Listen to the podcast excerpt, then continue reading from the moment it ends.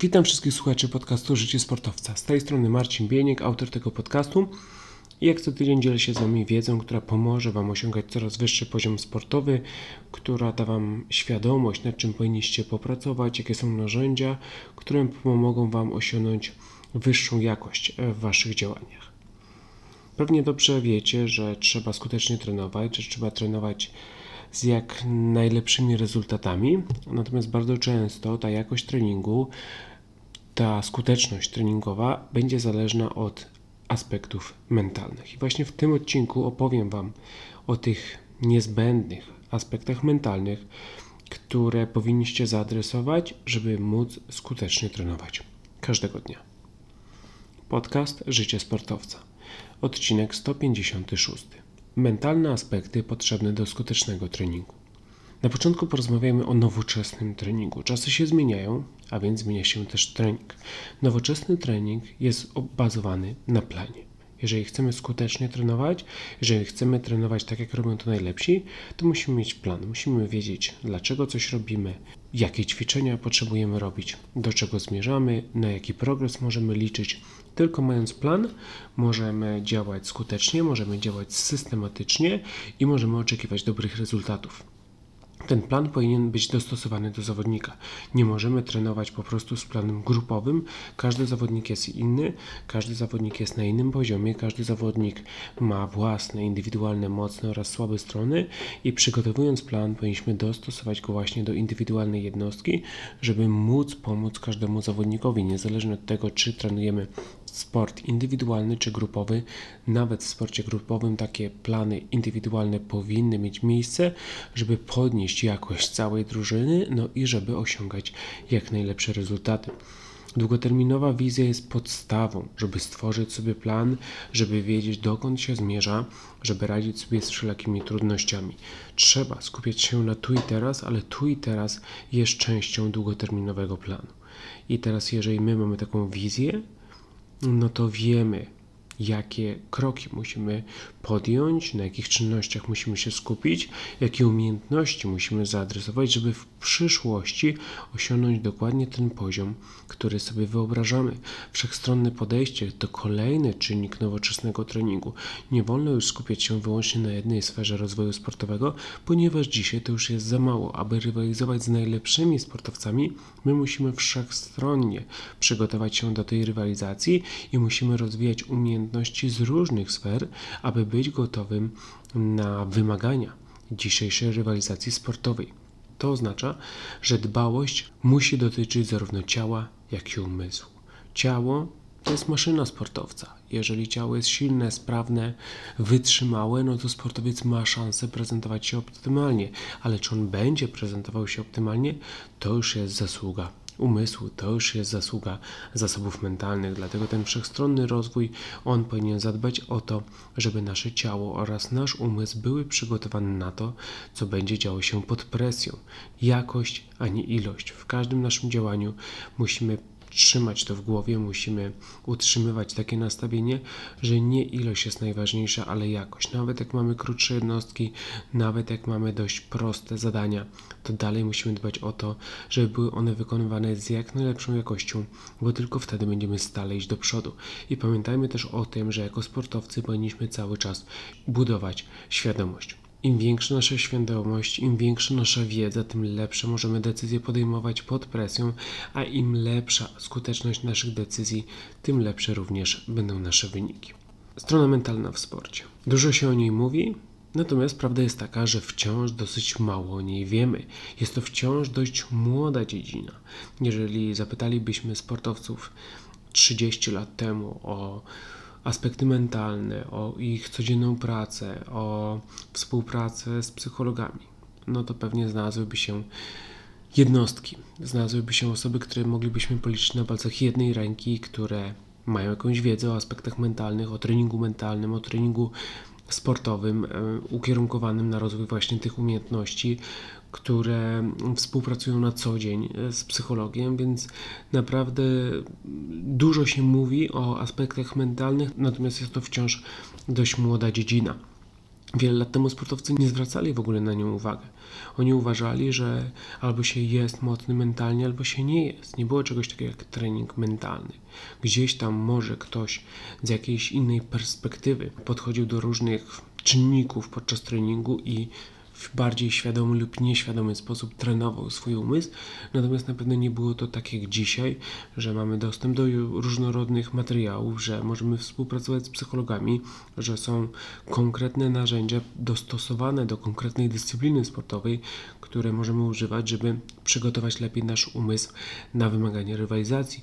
Dzisiaj strona mentalna jest tak naprawdę częścią rozwoju, czyli nie jest czymś poza, jest częścią rozwoju sportowego, tak jak technika, taktyka czy przygotowanie fizyczne. Przygotowanie fizyczne było od zawsze częścią rozwoju, natomiast od niedawna dołączyła do tego grona również strona mentalna i bardzo dobrze, ponieważ zawodnicy świadomie mogą pracować nad tymi elementami i mogą też wchodzić na wyższy poziom zaawansowania znacznie wcześniej.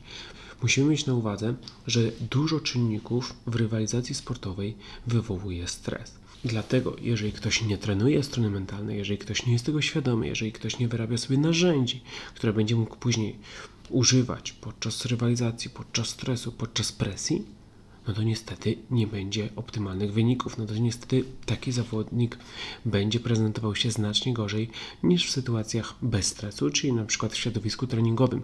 Jest potrzeba radzenia sobie z wieloma przeciwnościami. Rywalizacja to ciągłe przeciwności, kariera sportowa to ciągłe przeciwności. Jak sobie z nimi radzić? Trzeba rozwijać odpowiednie umiejętności, a te umiejętności dotyczą strony mentalnej. Dodatkowo dzisiejszy świat rywalizacji jest na znacznie wyższym poziomie poziomie niż było to chociażby 20 lat temu. Dzisiejsza rywalizacja to jest tak naprawdę walka o centymetry, czasami o milimetr. I ta osoba, która gdzieś na sam koniec sięgnie głębiej do swoich zasobów, która więcej czasu poświęciła na doszlifowanie tych detali, to ta osoba wygrywa. Więc Trzeba mieć świadomość, że ta dzisiejsza rywalizacja to jest naprawdę całkiem inna bajka niż to się działo dwie dekady temu i na to wszystko trzeba się przygotować poprzez skuteczny trening, poprzez codzienny trening, poprzez ciągły progres. To wszystko sprawia, że sukces w dzisiejszych czasach to korzyści na wielu płaszczyznach. A więc za ciężką pracę możemy być naprawdę sowicie wynagrodzeni, ale zarówno jak z porażką, tak i z sukcesem trzeba sobie poradzić, żeby nie był to po prostu jednorazowy sukces, tylko żebyśmy byli w stanie zostać na tym szczycie na dłużej. I tutaj również kłania się strona mentalna, tutaj również kłaniają się umiejętności, które jednym zawodnikom pozwalają utrzymać się na szczycie, a drudzy zawodnicy zapominają o tym, jak na ten szczyt doszli i po jednym sukcesie bardzo szybko z niego spadają. Jakie czynniki mentalne mają wpływ na skuteczność treningu? To głowa decyduje o tym, co zrobi ciało. Ja praktycznie w każdym odcinku podcastu Życie Sportowca przypominam o tym. Wiem, że pewnie znacie już to zdanie na pamięć, natomiast ja wiem, że trzeba o tym cały czas przypominać. Ja wiem, że czasami mamy gorsze momenty, że coś nam nie wychodzi, że nie zawsze ta motywacja jest na tak wysokim poziomie, jakbyśmy chcieli. I trzeba sobie o tym przypomnieć, że to głowa decyduje o tym, co zrobi ciało, i zanim ruszymy nasze ciało, pierwsze musimy poruszyć naszą głowę. Prawdziwy trening zaczyna się w momencie dyskomfortu. To właśnie na jakość treningu ma wpływ nasza strefa komfortu. I jeżeli my specjalnie wchodzimy w tą strefę dyskomfortu, jeżeli ćwiczenie wprowadza nas w tą strefę dyskomfortu, jeżeli my jesteśmy w stanie poradzić sobie z tymi różnymi przeciwnościami, no to jesteśmy na najlepszej drodze do tego, żeby się rozwijać. Aby być lepszym, trzeba ciągle podnosić sobie poprzeczkę. I tu znowu kłaniają się czynniki mentalne, czy ja jestem ambitny, czy ja chcę wchodzić jeszcze wyżej, czy ja chcę podnosić intensywność moich ćwiczeń. To robią najlepsi sportowcy. Oni cały czas podnoszą sobie poprzeczkę. Jak osiągają jeden sukces, ok, może chwilkę się nim pocieszą, natomiast już myślą o kolejnym celu, bardziej zaawansowanym, już o wiele cięższym. Im lepsza jakość treningów, tym większe benefity. Jeżeli taką mamy perspektywę, nie obawiamy się ciężkich treningów. Jeżeli wiemy, że ta praca zostanie wynagrodzona w naszym progresie, w naszych szansach na osiągnięcie sukcesu, to będziemy dążyć do tego, żeby zawsze dawać siebie 100%, bo przecież nawyki buduje się także w głowie i każdy trening, każda jednostka treningowa, każda aktywność fizyczna to nie tylko trening ciała, ale również trening umysłu, a w umyśle musimy sobie zbudować nawyki, z których później będziemy czerpać automatycznie automatycznie podczas rywalizacji, bo trening to przygotowanie do sprawdzianu podczas zawodów. Zawody są niczym innym jak testem naszego przygotowania. Im lepiej się przygotujemy, im więcej czynników mentalnych zaadresujemy, tym większe mamy szanse na to, że to my okażemy się lepsi od naszych konkurentów. Aby skutecznie trenować, trzeba utrzymać bardzo wysoką skuteczność pracy mentalnej. Nie jest to jednak łatwe, ponieważ do wykonania tego zadania potrzebne są konkretne umiejętności, które trzeba trenować każdego dnia. Oto zdolności mentalne, które musisz zaadresować, by każdy trening miał najwyższą jakość. Nauka na błędach. Trening to praca na powtórzeniach.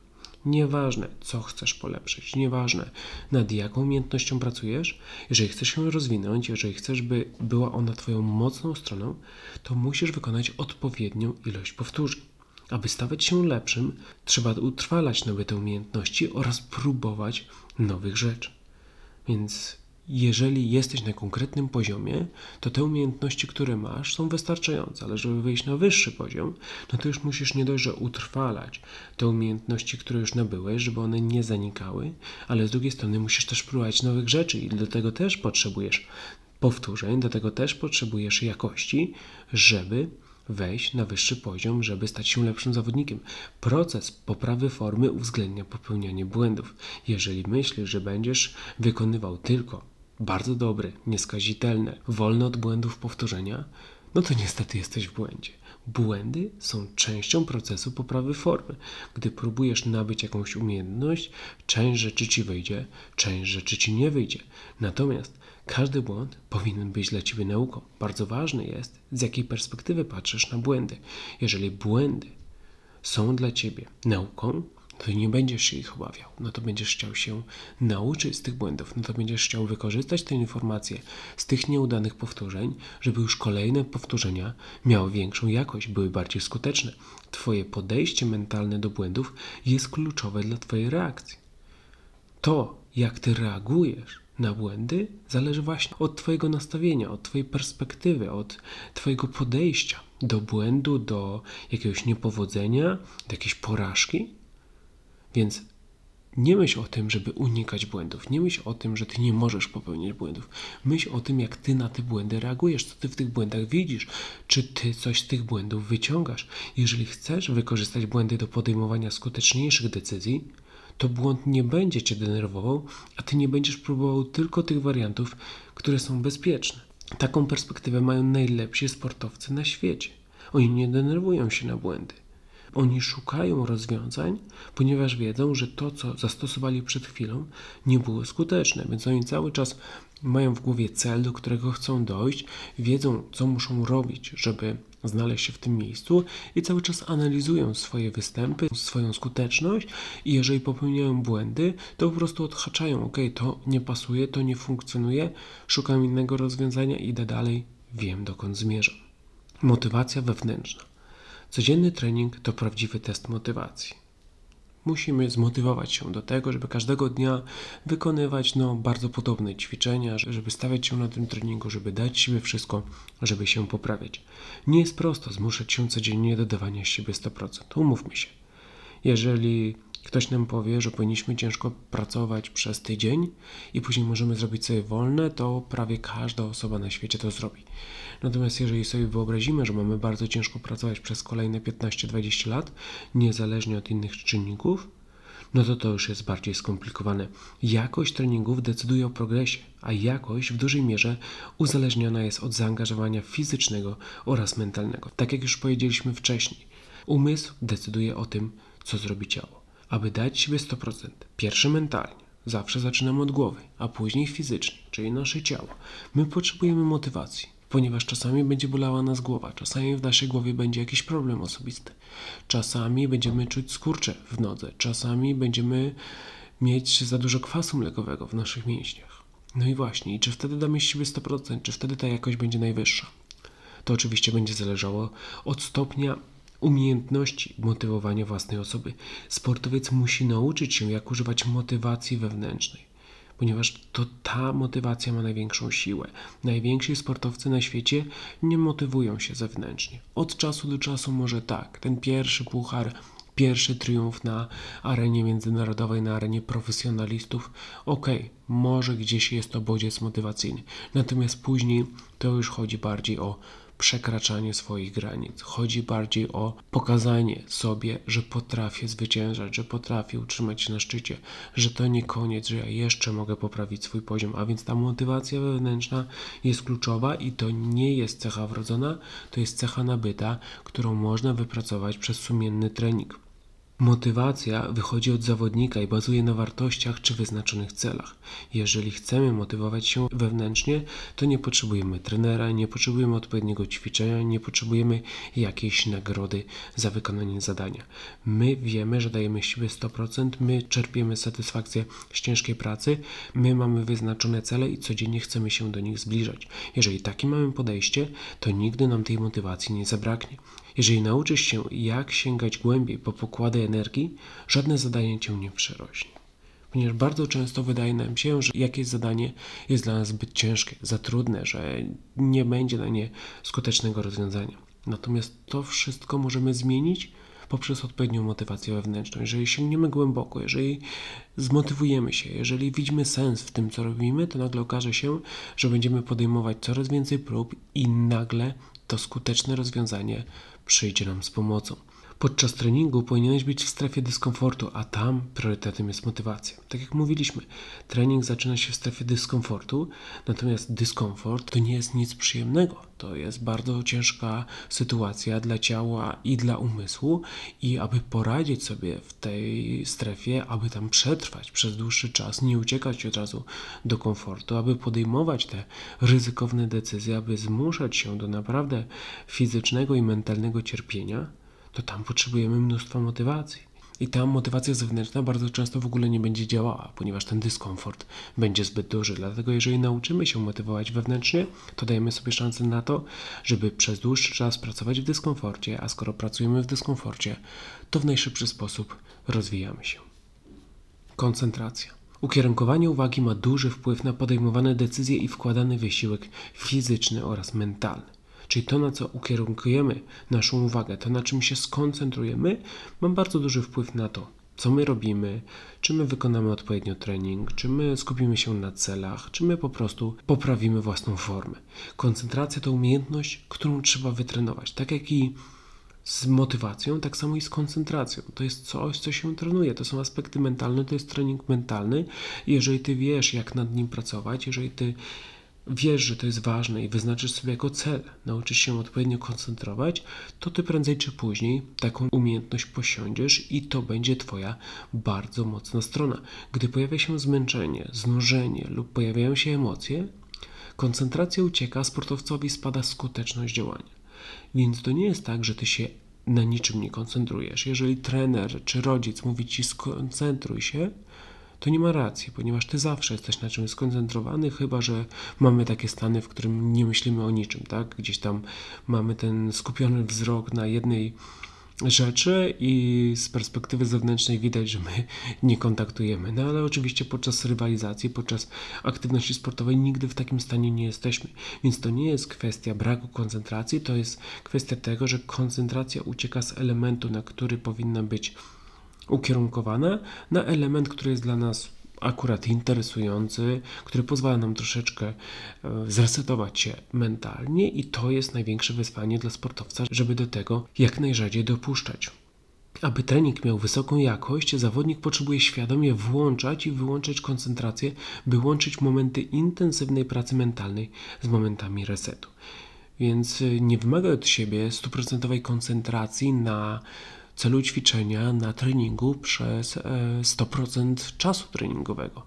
Kiedy jest ćwiczenie, kiedy są ważne rozmowy, kiedy jest przekazywana wiedza, tak, wtedy w 100% musisz poświęcić się tej aktywności, tej czynności, musisz ukierunkować swoją uwagę właśnie na te czynniki. Natomiast w momencie, gdy masz przerwę, natomiast w momencie, gdy jakieś ćwiczenie jest bardziej na rozrywkę, nastawione na reset, to wtedy ty musisz wyłączyć tą koncentrację, ty wtedy musisz umieć odzyskać tą energię, która zaraz przyda ci się przy bardziej złożonym ćwiczeniu.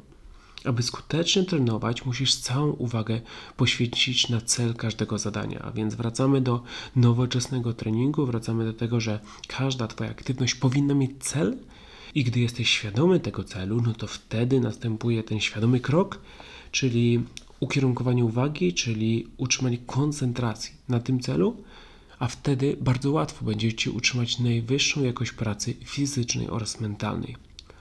Podsumowując, trening to realizacja konkretnych zadań. Każdy trening powinien mieć plan, każdy trening powinien mieć zadania do wykonania. Ty, jako zawodnik, powinieneś być świadomy tych zadań i nigdy nie powinieneś podchodzić do jakiegokolwiek ćwiczenia bez celu w głowie, nad czym aktualnie pracujesz. Aby skutecznie rywalizować, trzeba pierwsze nauczyć się skutecznie trenować. I jak dobrze wiesz, trening musi rozwijać się fizycznie, technicznie, taktycznie oraz mentalnie. Jeżeli po treningu ty nie rozwinąłeś wszystkich tych sfer, to ten trening jest niekompletny i niestety niekompletnie będziesz przygotowany do zawodów. Strona mentalna odgrywa kluczową rolę w przygotowaniu do zawodów.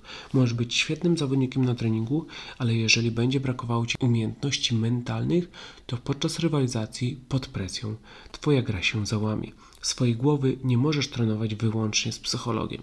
Trening odbywa się za każdym razem, gdy wyznaczysz sobie taki cel. Praca z psychologiem jest bardzo dobra. Jeżeli masz takie możliwości, pracuj ze specjalistą, on ci da narzędzia, on ci powie, co możesz robić jeszcze skuteczniej, on zaplanuje ci cały proces rozwoju mentalnego. Natomiast za każdym razem, gdy masz trening, za każdym razem, gdy wykonujesz jakąś aktywność, która dąży do progresu sportowego, to jest dla Ciebie trening mentalny i jeżeli tam wyznaczysz sobie cel, to korzystasz z tej możliwości, żeby stać się silniejszym mentalnie, żeby wyposażyć się w narzędzia, które okażą się kluczowe do osiągania sukcesów podczas następnego turnieju. Dzięki wielkie za uwagę. Dzisiaj troszkę o stronie mentalnej, dzisiaj o tym, jak trenować i jakie czynniki uwzględniać, żeby ten trening miał jakość, żeby ten trening był skuteczny, żebyście widzieli progres. Także widzicie, że trening to nie tylko to, co w nogach, to nie tylko to, ile dajemy z siebie pod kątem wydolnościowym, jak szybko biegamy do piłki, do pachołka, to jest pochodna.